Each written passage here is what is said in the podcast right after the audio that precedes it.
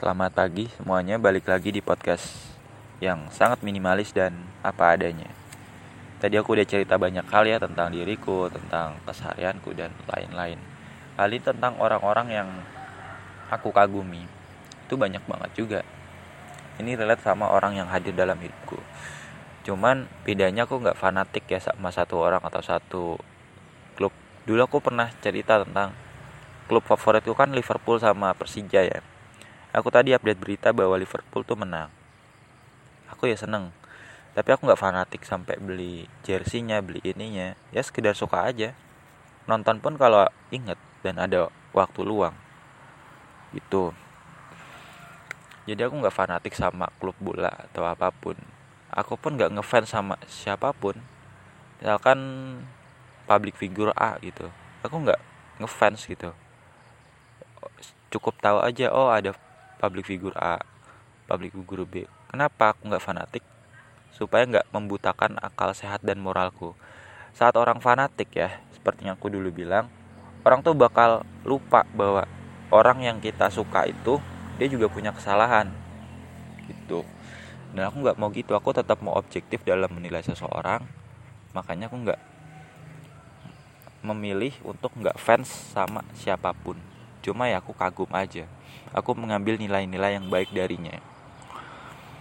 Yang pasti orang-orang yang aku kagum itu Nabi Muhammad ya. Beliau tuh sangat hebat lah. Gak usah diceritain juga. Orang pasti tahu seberapa hebat dan seberapa baik beliau. Mas orang tua teman-temanku keluargaku. Mereka orang-orang yang ka aku kagumi dan menemani aku sampai detik ini juga perempuan-perempuan di luar sana yang hebat yang cantik yang punya semangat juang yang tinggi. Itu aku kagum juga. Kalau aku rangkum ya dari semua orang yang aku kagum itu ada satu nilai yang utama yaitu tentang integritas. Integritas itu artinya kita bisa dipercaya kredibel selaras dengan apa yang kita katakan dan kita lakukan membantu orang lain. Jadi menurutku integritas itu kayak sumber dari berbagai nilai. Meskipun di atasnya integritas itu ada yang namanya keimanan ya. Keimanan, keyakinan, sesuatu yang abstrak yang harus kita percaya bahwa itu ada meskipun nggak bisa kita lihat secara langsung tapi bisa dirasakan oleh hati. Ada lagi yang namanya cinta perasaan kasih sayang itu hebat banget gitu loh. Apalagi cinta ya.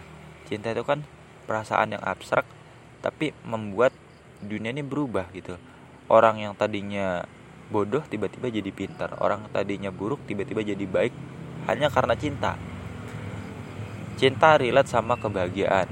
Saat kita udah punya cinta dalam hati kita yang penuh, penuh dengan cinta, maka kita juga bisa untuk mendapatkan kebahagiaan, menemukan kebahagiaan di dalam hati kita. Dan itu indah kalau kita punya hati yang penuh cinta. Kalau semua orang Indonesia begitu, mungkin Indonesia akan jadi negara paling bahagia di dunia. Negara paling kaya di dunia. Orang-orangnya nggak korupsi saling membantu dan ya itu negara yang kita idam-idamkan. Negara yang baik negara yang aman aman. Ramah perempuan ramah anak ya. Bebas polusi bebas dari kejahatan pembunuhan. Itu negara yang ideal tapi apakah itu bisa? Bisa cuma susah aja diwujudkan diperlukan sosok pemimpin yang karismatik pengikut yang baik orang pejabat-pejabat yang karismatik juga yang punya integritas tinggi.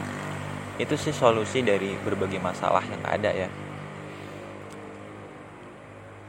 Jadi nggak mudah sebenarnya. Aku pengen banget bisa jadi pemimpin suatu saat. Pemimpin negeri ini pemimpin Indonesia presiden Indonesia dulu kan aku udah pernah cerita ya tentang impianku aku pengen banget jadi pemimpin mulai dari memimpin kabupaten, memimpin provinsi sampai memimpin negeri ini. Aku sedikit banyak melihat berbagai fenomena, terus aku juga mulai menelaah, meneliti solusi-solusi apa sih yang efektif dan gak efektif. Aku kan suka banget ya sama namanya sejarah. Kalian tahu kan Indonesia ini dijajah negeri asing itu lama banget. Belanda selama tiga setengah abad, Jepang tiga setengah tahun. Dan setelah kemerdekaan pun masih banyak konflik kayak ada negara bagian PKI komunis atau apa pun yang merusak. Indonesia pernah merasakan itu semua dan itu nggak cocok. Ternyata cocoknya adalah negara kesatuan apalagi Indonesia ini punya sumber daya alam yang banyak sumber daya manusia yang banyak. Kenapa nggak dimanfaatkan dengan baik? Nah di sini celah yang bisa aku gunakan untuk mengoptimalkan mereka gitu. Sayangnya aku kan belum punya kekuasaan ya. Mungkin kalau aku punya kekuasaan aku bisa mengajak orang-orang baik untuk bergabung untuk mewujudkan negeri ini yang lebih baik. Karena aku yakin di luar sana pasti banyak pemuda yang sepemikiran pemuda yang juga ingin membangun negeri ini yang punya integritas yang kuat